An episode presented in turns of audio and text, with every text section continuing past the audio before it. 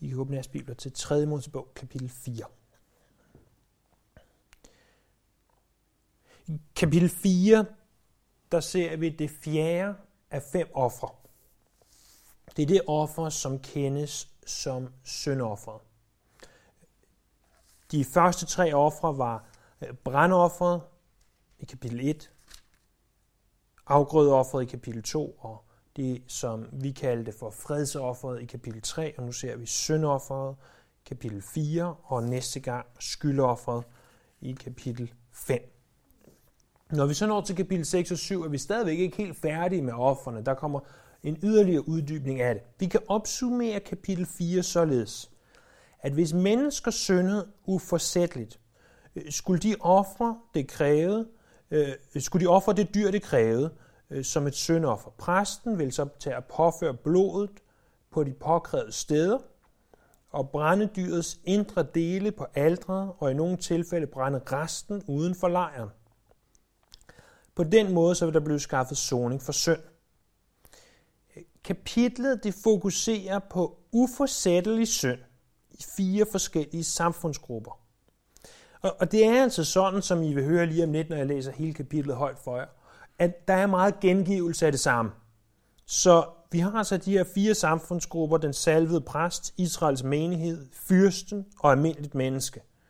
Og øh, fordi at der er så meget gentagelse, så giver det ikke specielt god mening at gennemgå kapitlet, øh, som vi vil gøre de fleste andre kapitler, nemlig vers for vers, for det vil blive en gentagelse af en gentagelse af en gentagelse af en gentagelse. Men jeg vil dog understrege, at det faktisk egentlig er det Gud, han har tiltænkt. Sådan, i hvert fald når vi læser det. Måske ikke så meget for forståelsen som for læsningen. Han ønsker, at det her skal gentages og gentages og gentages og gentages og gentages og gentages og gentages, for at det må sidde fast. Men måden, vi vil se på det i aften, det er ved at stille fire relativt simple spørgsmål. Hvorfor? Hvordan? Hvem? Og hvad? Hvorfor, hvordan, hvem og hvad? Hvorfor, hvordan, hvem og hvad? Hvorfor er syndofferet nødvendigt? Hvordan skulle det udføres? Hvem skulle ofre det? Og hvad betyder det for os? Vi skal nok få dem igen efterhånden, som vi gennemgår teksten. Lad os først læse kapitlet, hele kapitlet, og så se på de her fire spørgsmål. Herren talte til Moses og sagde, Sig til israelitterne, når nogen synder uforsætteligt, mod noget som helst af Herrens bud, som ikke må overtrædes, overtræder et af dem, gælder følgende. Hvis det er den salvede præst der sønder, så han påfører folket skyld, skal han på grund af den synd, han har begået, bringe Herren en lydefri tyrekald som syndoffer. Han skal bringe tyren hen til indgangen til åbenbaringsteltet for Herrens ansigt. Lægge sin hånd på tyrens hoved og slagte den for Herrens ansigt. Øh, så skal den salvede præst tage noget af tyrens blod og bringe det ind i åbenbaringsteltet. Præsten skal døbe sin finger i blodet stænke noget af det syv gange fra hans ansigt på helligdommens forhæng, og noget af blodet skal han stryge på røgelses offeralterets horn for herrens ansigt i åbenbaringsteltet. Resten af tyrens blod skal han hælde ud ved brandofferalterets sokkel ved indgangen til åbenbaringsteltet. Alt fedtet fra søndoffertyren skal han tage ud af den. Det fedt, der dækker indvoldene og alt fedtet på indvolden og de to nyrer og fedtet, som sidder på dem ved lændemusklerne og leverlappen, skal han skære af sammen med nyrerne, ligesom det tages ud af måltidsofferoksen. Og præsten skal brænde det på brændofferalteret, men tyrens hud og dens kød til lige med dens hoved, skanker, indvolde og tarmindhold, hele resten af tyren skal præsten bringe uden for lejren til et rent sted, til affaldspladsen for fedtasken, og brænde det på et bål, det skal brændes på affaldspladsen for fedtasken.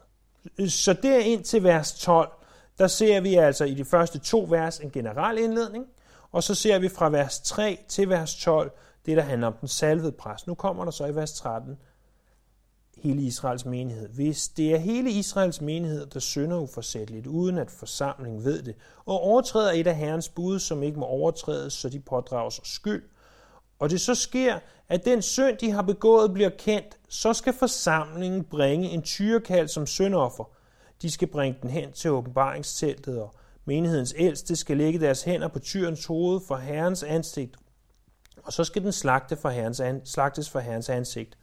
Så skal den salvede præst bringe noget af tyrens blod ind i åbenbaringsteltet, og præsten skal døbe sin finger i blodet og stænke noget af det syv gange for herrens ansigt på forhænget. Og noget af blodet skal han stryge på alterets horn for herrens ansigt i åbenbaringsteltet. Resten af blodet skal han hælde ud ved brandofferalterets sokkel ved indgangen til åbenbaringsteltet. Alt fedtet fra tyren skal han tage ud af den og brænde det på alteret, og han skal gøre det samme med tyren, som han gjorde med syndoffertyren. Og på den måde skaffer præsten dem soning, så de får tilgivelse. Tyren skal han bringe uden for lejren og brænde den, ligesom han brændte den førnævnte tyr. Det er forsamlingssøndoffer. Så her er det andet, øh, det andet samfundslag, der ligesom bliver berørt, nemlig hele Israels menighed. Det tredje, det er øh, fyrsten, eller fyrsterne, som vi ser fra vers 22 til 26. Er det en fyrste, der synder og uforsætteligt overtræder et af herrens, hans Guds bud, øh, som ikke må overtrædes og pådrager sig skyld, og han får at vide, at han har begået den synd, skal han som sin gave bringe en lydefri gedebuk. Han skal lægge sin hånd på bukkens hoved og slagte den på det sted, hvor man slagter brandoffer dyret for herrens ansigt. Det er et syndoffer. Så skal præsten tage noget af syndofferdyrets blod på sin finger og stryge det på brandofferalderets horn. Resten af dets blod skal han hælde ud ved brandofferalderets sokkel. Alt dets fedt skal han brænde på alteret, ligesom måltidoffer fedt. På den måde skaffer præsten ham soning for hans synd, så han får tilgivelse. Og så er det fjerde og sidste samfundsgruppe, nemlig det almindelige menneske.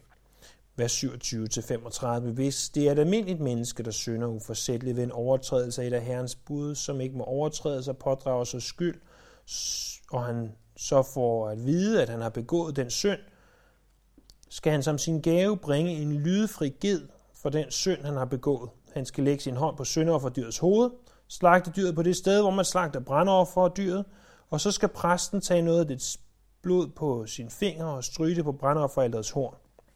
Resten af dets blod skal han hælde ud ved alterets sokkel. Alt dets fedt skal han skære fra, ligesom fedtet skæres fra måltidsofferdyret, og præsten skal brænde det på alteret, et livlig duft for Herren, og på den måde skaffer præsten ham soning, og han får tilgivelse. Hvis den gave, han bringer som syndoffer er et lam, skal det være lydefri hunddyr. Og hvis han lægger sin hånd på synd, han skal lægge sin hånd på syndofferdyrets hoved og slagte det som et syndoffer på det sted, hvor man slagter brændofferdyret. Så skal præsten tage noget af syndofferdyrets blod på sin finger og stryge det på brandoffer, alterets horn. Resten af dets blod skal han hælde ud ved alterets sokkel. Alt det fedt skal han skære fra, ligesom fedtet skæres fra måltidsofferlammet, og præsten skal brænde det på alteret sammen med herrens ofre. På den måde skaffer præsten ham soning for den synd, han har begået, så han får tilgivelse. Vi har altså fire spørgsmål, vi stiller os selv, der egentlig skal besvare, hvad er indholdet af det her kapitel.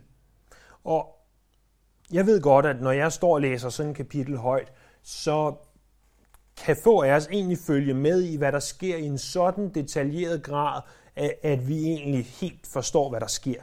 Så de her fire spørgsmål. Det første, hvorfor er syndofferet nødvendigt? Vi finder egentlig svaret på det spørgsmål i vers 1 og 2. Herren talte til Moses og sagde, sig til israelitterne, når nogen uforsætteligt synder mod noget som helst af Herrens bud, som ikke må overtrædes, og overtræder et af dem, gælder følgende.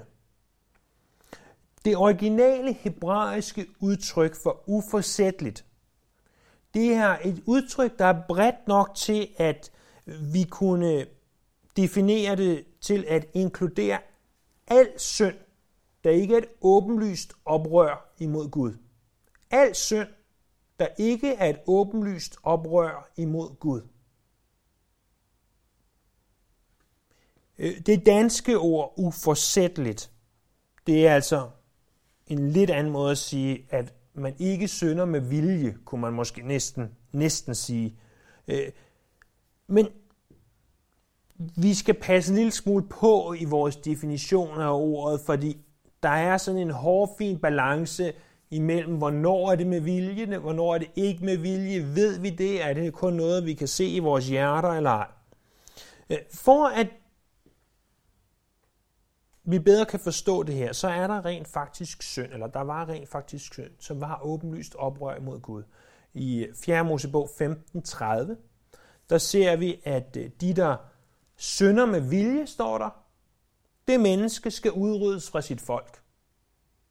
Så hvis du syndede med vilje, så var der altså ikke noget med at komme og sige til præsten, skal du høre, præst, jeg slog lige en mand ihjel i går, fordi han ikke flyttede sig i køen. Så skar jeg halsen over på ham. Færdig slut. Mm, gjorde du det, så fortjente du at dø. Det bør nævnes, at for den form for sønder fandtes der også tilgivelse. Men der var det ikke nok at, at komme med et offer. Der var du nødt til at påberåbe dig Herrens barmhjertighed. Hvis nu vi skal give et eksempel på det her uforsættelige synd, så prøv at tænke på de 10 bud. Det første bud er, hvad er nu det første bud er? Ja. Det første af de 10 bud. Du må ikke have andre guder end mig. Du må ikke have andre guder end mig. Vi skal lige se, om vi er vågne her. Sådan en sen, kold, våd aftentime. Det er jo et bud, som vi som kristne tænker, yes, det vil jeg leve efter. Jeg vil ikke have andre guder. Og så ofte så sker det alligevel, at, at et eller andet i vores liv, det kan være kæresten, eller familien, eller arbejdet, eller hobbyen, begynder at snige sig ind, og, og pludselig stopper vi op og tænker, det er blevet min Gud. Det er blevet min Gud. Det, det er egentlig ikke, fordi vi ønsker det, men lige pludselig er det bare sket. Det er ikke noget, vi har planlagt. Det var ikke meningen. Men fordi vi er født syndere, vi er tilgivet syndere, men vi er født syndere, så lige pludselig så, så ser vi, at vi er nået derhen til. Så er der det problem, hvis vi kan kalde det et problem, at Gud han er hellig. Det var ikke sådan, at, at gjorde de synd, de her mennesker. Hvis vi sammenligner det med kristne, synder den kristne, bliver den kristne ikke udslettet. Han mister ikke sin frelse. Han er stadigvæk Guds barn. Men synden kan godt hindre vores fællesskab med Gud. Vores øh, nærvær med Gud. Fordi det var sådan i det her åbenbaringstelt, eller tabernaklet, at hvis vi forestiller os, at jeg havde syndet, og så kommer jeg ind i tabernaklet, og så står jeg sådan her. Hvad sker der så? Så er den her talerstol uren. Fordi jeg er uren, og jeg rører noget, så bliver det urent. Og Gud vil ikke være der, hvor der er urent. Og det var ikke engang, fordi de behøvede at røre tingene. Rent symbolsk ved, at de syndede var genstandene, øh, der var i åbenbaringsteltet, tabernaklet, blev de urene. Så hvis vi skal gøre det helt banalt, så er syndofferalteret simpelthen en hovedrengøring. Det er Guds måde at gøre rent på. Og sige, der er åndeligt beskidt i mit hus. Jeg er nødt til at gøre det rent. De fleste af os gør ikke helt rent som Gud. Øh, vi tager vand og sæbe. Gud han tager blod. Gud han gør rent med blod. Så hvis vi skal besvare spørgsmålet, hvorfor er syndofferet nødvendigt, det er det fordi, at uforsættelig synd, altså synd, hvor vi ikke har et åbenlyst oprør imod Gud, den form for synd, som vi alle begår dagligt. Den synd, den gør os urene. Og den urenhed, som vi skal se senere også, når vi begynder at konkludere på, hvad det her betyder for os. Den urenhed betyder ikke mindre end, at der bliver nødt til at blive gjort rent, før vi kan have det fællesskab med Gud, som vi egentlig ønsker.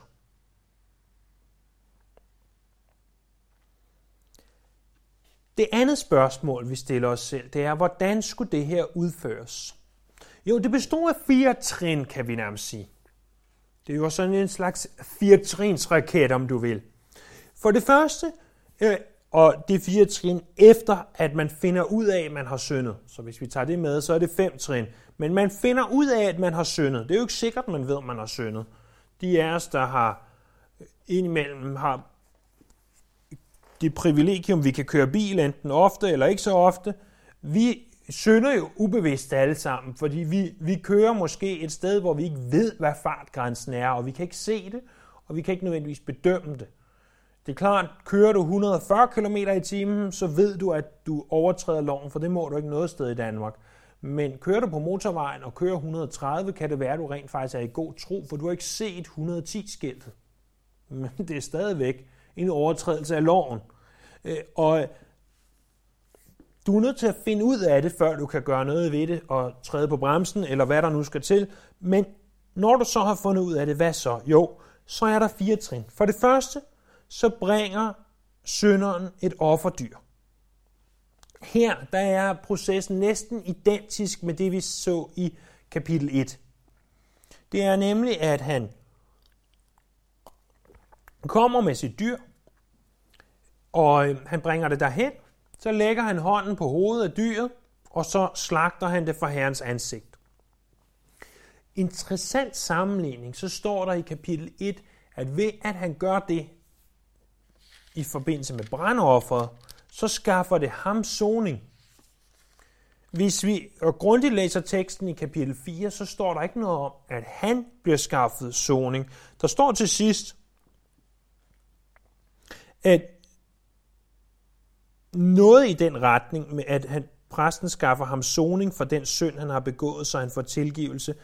Men i forbindelse med præsten for eksempel, øh, står der ikke umiddelbart noget om, at han, der bliver skaffet soning ved, at han gør de her ting. Ideen er ikke først og fremmest soning til personen, men en renselse af det, som egentlig er blevet beskidt ved, at jeg er beskidt, ved at jeg er syndig, det som jeg viderebringer det til. I øvrigt, det her offer, øh, vil vi også komme til at se senere, bliver også bragt, ikke bare når man er syndet, men når man er uren.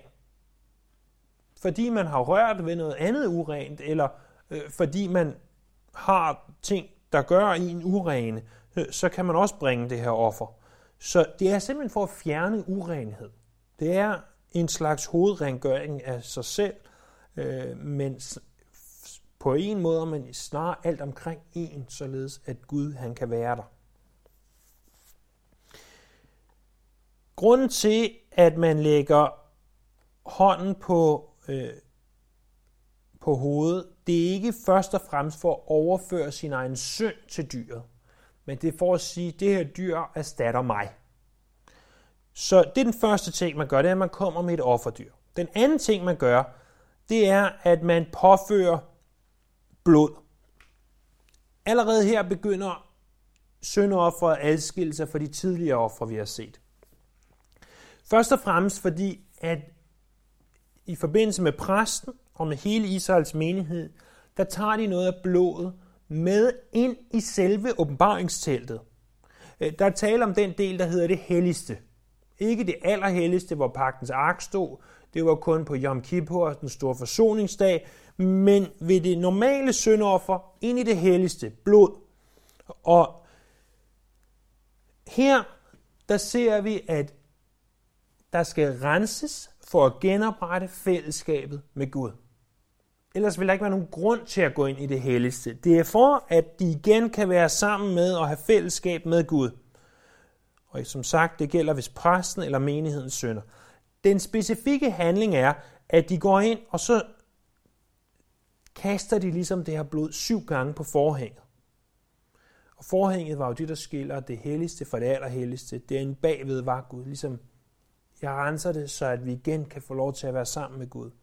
Og så en ting, en genstand, der var inde i det helligste, det var det her røgelsesofferalter. En øh, firkantet kasse, boks lidt på størrelse med sådan en talerstol her, øh, hvorpå der stak fire horn op af den. Og de kom noget blod på de her horn. Resten af blodet hældte man så ud ved brandofferalteret. Vi ser specifikt ved de sidste to ofre, øh, eller sidste to typer af personer ved fyrsten og det almindelige menneske, der gik man ikke ind i det tabernaklet. Øh, der tog man alt blodet ud til brandofferalteret, og noget af blodet kom på, på selve brandofferalterets horn. Så altså det første skridt, det var at komme et offerdyr. Det andet var, at man tager blodet og gør en masse ved. Det tredje, det er, at man tager fedtet og visse indre organer, brænder dem. Øh, det er lidt ligesom vi så ved fredsofferet i kapitel 3, at det er det, som er øh, mest værd for, for den kultur, det brænder de, og, og det er det, der er offeret til Herren. Så sker der noget anderledes. Så tager de resten af dyret, og, og det er altså skinnet. Men må jeg sige, med et næsten grædende hjerte er det jo også mørbraden, kølotten og alt det andet, så dejlige, fantastiske kød, tager de uden for lejren, og der brænder de det. Der står i vers, både vers 12 og vers 21, det er noget, de gør kun i forbindelse med præsten og menigheden. Der står ikke noget om det med fyrsten og det almindelige menneske, men det kan være, at de gør det der også. Det ved vi ikke. Der står, at det skal være på en ren affaldsplads, der hvor man også brænder fedtask. Så altså en plads uden for lejren. Det er det, der er, det er det, der er vigtigt. Så nu har vi besvaret de første to spørgsmål. Det første, hvorfor skulle man gøre det her? Det næste, hvordan skulle man gøre det? Og, og måden, hvordan, hvis vi bare lige skal opsummere den, det er altså, at man kommer med sit offerdyr. Det bliver slag, man slagter det, så tager præsten, og, og det er præsten i alle tilfælde, der tager blodet og påfører øh, de forskellige relevante steder, enten inde i åbenbaringsteltet eller på brandofferalteret, og det sidste hældes ud ved brandofferalteret. Så tager man det slagtede dyrs fedt og øh, de her organer, brænder, og til sidst så tager man resten af dyret ikke på brandofferalteret, som vi så det med brandofferet, men uden for lejren. Helt uden for lejren. Og så brænder man det der. Og hvem er det så, der skal ofre det? Jo, der er de her fire grupper. Der er præsten, som kaldes den salvede præst.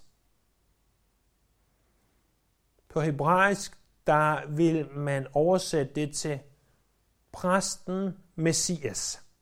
For salvet og Messias er jo det samme ord. Så Messias-præsten, det bliver en interessant sidenote, men, men det er ypperste præsten, vi taler om her.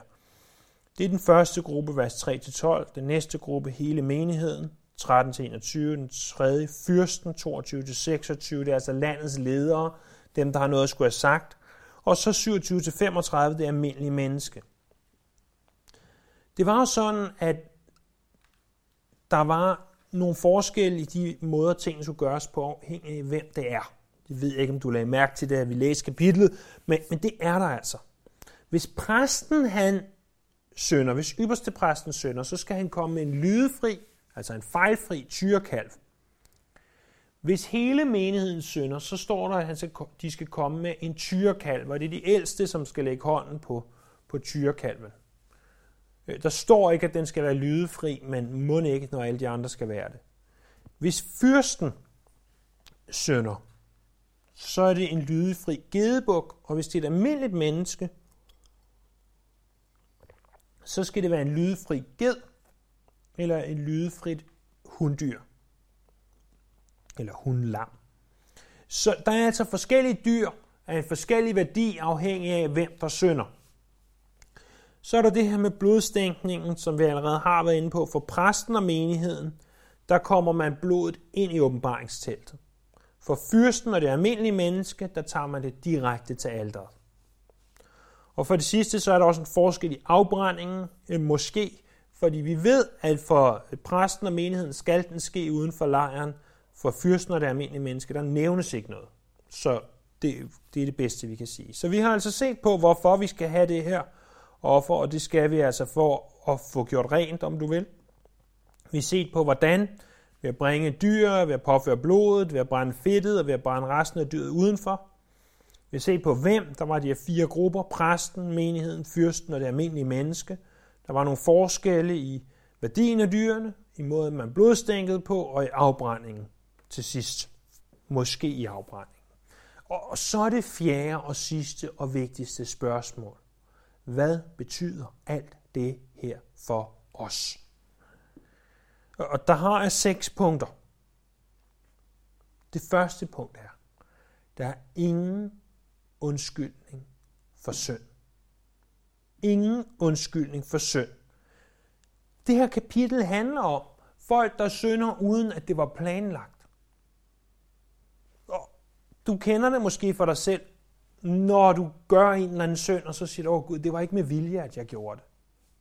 Eller, oh, jeg var faktisk ikke klar over, at det var en synd.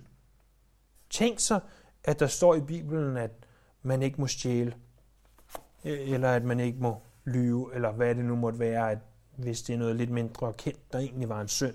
Tænk så, at det står Men det er ingen undskyldning, venner. Det er ingen undskyldning for det første, at vi ikke ved, det er synd. Der er ingen undskyldning, at vi ikke havde tænkt os at gøre det. Det er stadigvæk synd. Og lad os i stedet for øh, med salmisten fra salme 139, vers 23 og 24, bede Gud om at vise os, hvis der er synd i vores liv. Det er den første pointe. Den anden, det er, at synd kan blokere vores nærhed til Gud. Lad os tage et eksempel. Jeg er som bekendt min forældres barn. Det er vi i øvrigt alle sammen. Vores forældres børn. Og det vil vi altid være. Både når de er døde og borte, og uanset om de lever eller ej. Vi vil altid være vores forældres børn. Det, det kan der simpelthen ikke laves om på. Men forestil jer nu, at jeg stikker ild til min forældres hus. På listig vis stjæler alle deres penge. Endnu værre øh, ødelægger deres have, som de har brugt mange år på at sætte i stand og få dertil, hvor de vil have den. Riser deres bil. Og bare for at gøre dem rigtig sure, øh, og virkelig ikke kan lide mig, slår alle ihjel omkring dem. Og så i øvrigt, så flygter jeg til et fjern, fjernt land, hvor de ikke ved, hvor jeg er. Og jeg siger også til dem, I skal aldrig prøve at kontakte mig, jeg vil ikke have nogen kontakt med jer. Jeg er stadigvæk deres søn. Men det fællesskab, der er, imellem os, det er ikke det samme som det, der kunne være. Her der har vi sat tingene på spidsen, naturligvis.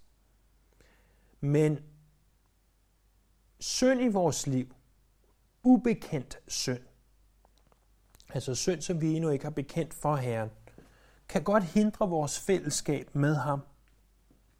Det kan godt hindre den nærhed, vil jeg måske hellere udtrykke det, som vi kan have med ham. Det kan gøre vores billede af ham sløret, så vi ikke helt ser, hvor han er og, og hvem han er.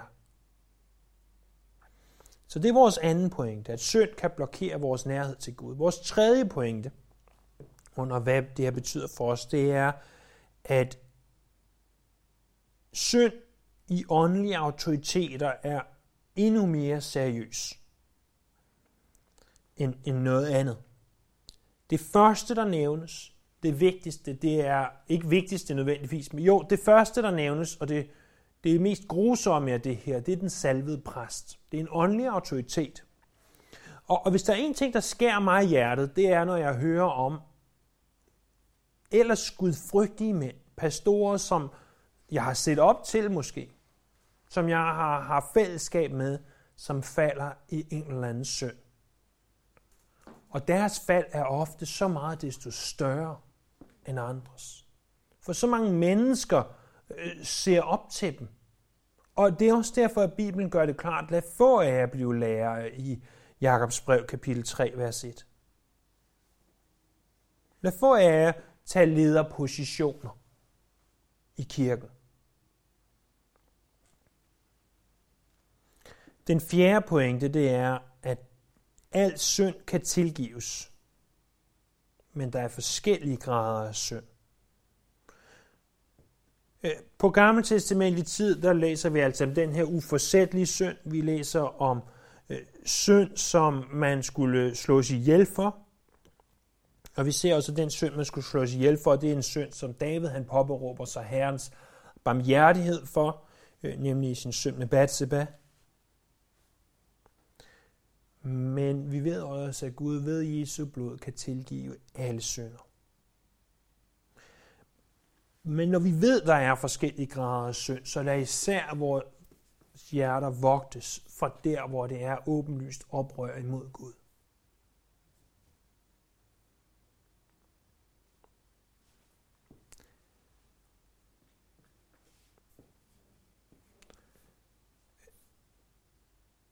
Bibelen siger, at hvis vi hader vores bror, eller hvis vi siger tåbe til vores bror, så er det det samme som at slå ham ihjel.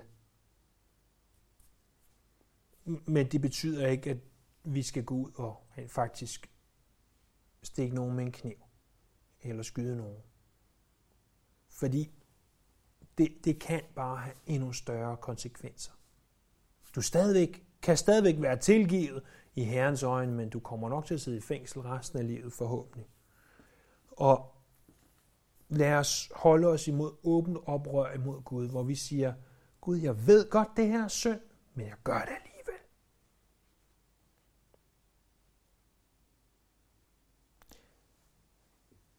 Den femte pointe er, at uden blod, der er ingen tilgivelse, og der er heller ikke noget fællesskab. Det centrale i det her kapitel er ikke nødvendigvis præsten og menigheden osv. Det er ikke engang det, at dyrene bliver slagtet, eller at noget af det bliver brændt. Det helt centrale og vigtige i det her kapitel, det er blodet. Det, det håber jeg, vi forstår, at blodet er det, der er vigtigt. Jeg vil godt have, at vi lige læser fra Hebræerbrevet kapitel 9, vers kapitel 9. Hebræerbrevet kapitel 9.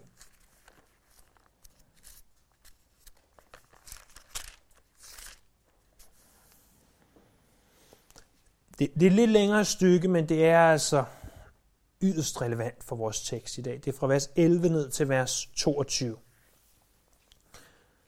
Men Kristus er kommet som ypperste præst for de goder, som nu er blevet til – han er gået igennem det større og mere fuldkommende telt, som ikke er gjort med hænder, det vil sige, som ikke hører denne skabte verden til, og ikke med blod af bukke og kalve, men med sit eget blod, gik han en gang for alle ind i det allerhelligste og vandt evig forløsning. Når nu blodet af bukke og tyre og asken af en ung ko, ved at stænkes på mennesker, som er blevet urene, helliger dem og gør dem rene i det ydre, så må Kristus, der i kraft af en evig ånd frembare sig selv som et lydfrit offer til Gud med sit blod, langt bedre at kunne rense vores samvittighed fra døde gerninger, så vi kan tjene den levende Gud. Derfor er Kristus formidler af en ny pagt, for at de kaldede kan få den evige arv, der er lovet ved, at han er død til forløsning fra overtrædelserne under den første pagt. For hvor der er testamente, er det nødvendigt, at testators død godtgøres. Et testamente får jo først betydning ved dødsfald, da det ikke har nogen som helst virkning, så længe han, som oprettede det, lever. Derfor blev heller ikke den første pagt indstiftet uden blod. For da Moses havde læst alle budene i loven for hele folket, tog han blodet af kalvene og bukkene til lige med vand og skarlanrød uld og isop og stænkede det både på bogen og på hele folket, i det han sagde, det er pagtens blod, den pagt Gud har sluttet med jer. Og på samme måde stænkede han også blodet på åbenbaringsteltet og på alle karne, som bruges ved gudstjenesten. Ja, efter loven bliver næsten alt renset med blod. Og der finder ingen tilgivelse sted, uden at der udgives blod. Uden blod, venner, ingen tilgivelse. Uden blod, ingen rensning.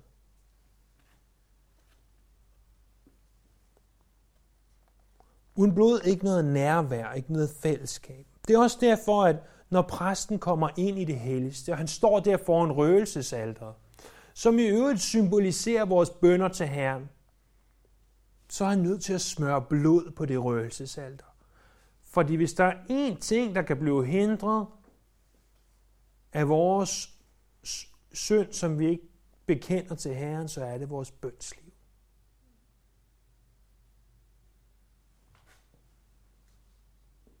Igen er det vigtigt for mig at understrege. Det er ikke fordi, at Gud ikke elsker dig. Det er ikke fordi, du ophører med at være hans barn, hvis du ellers var det på forhånd. Men øh, jeg tror mere, det egentlig er os selv, der mange gange fjerner os. Øh, hvis du har haft perioder i dit liv, hvor du godt har vidst, at du ikke har levet, som, som Gud han ønsker, vi skal leve, så har vi måske også haft mere lyst til at blive hjemme fra kirke. Fordi, ah, jeg ved godt, at sådan og sådan, og så har jeg egentlig ikke lige så meget lyst til at være sammen med Guds folk. Og, og mange gange er det os selv, der fjerner os. Den sjette og sidste ting, det er, at Jesus han er det ultimative syndoffer.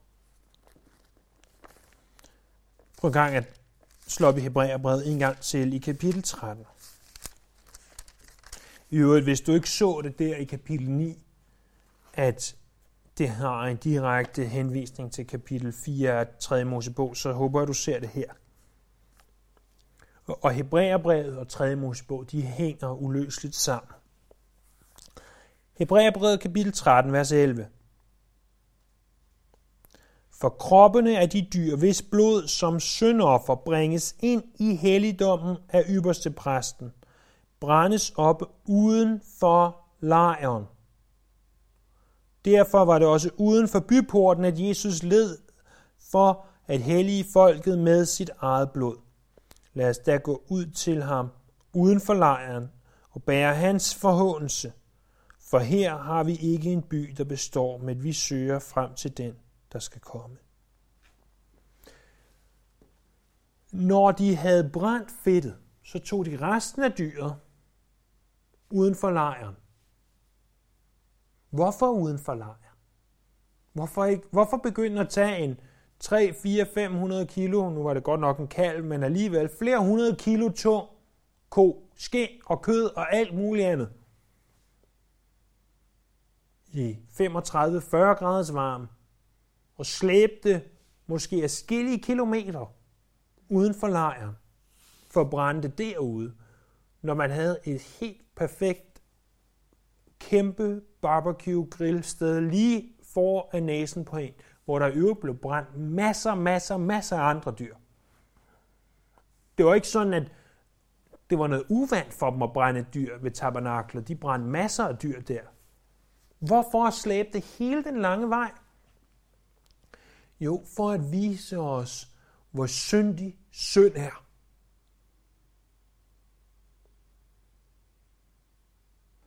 For at vise os, hvor syndig synd er, så var de nødt til at slæbe kødet med fluer og alt andet, der fulgte med hele vejen ude for lejren, for at brænde det op derude.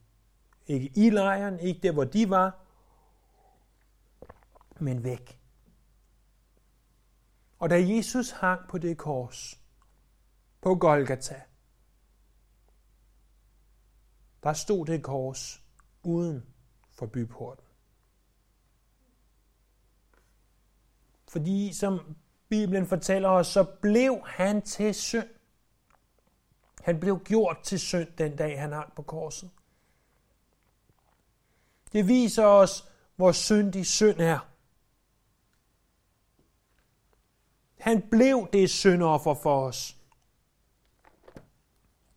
Og symbolikken i alt det her er naturligvis overvældende, og jeg kan på ingen tilnærmelsesvis måde begynde at forstå langt mindre og forklare jeg det alt sammen.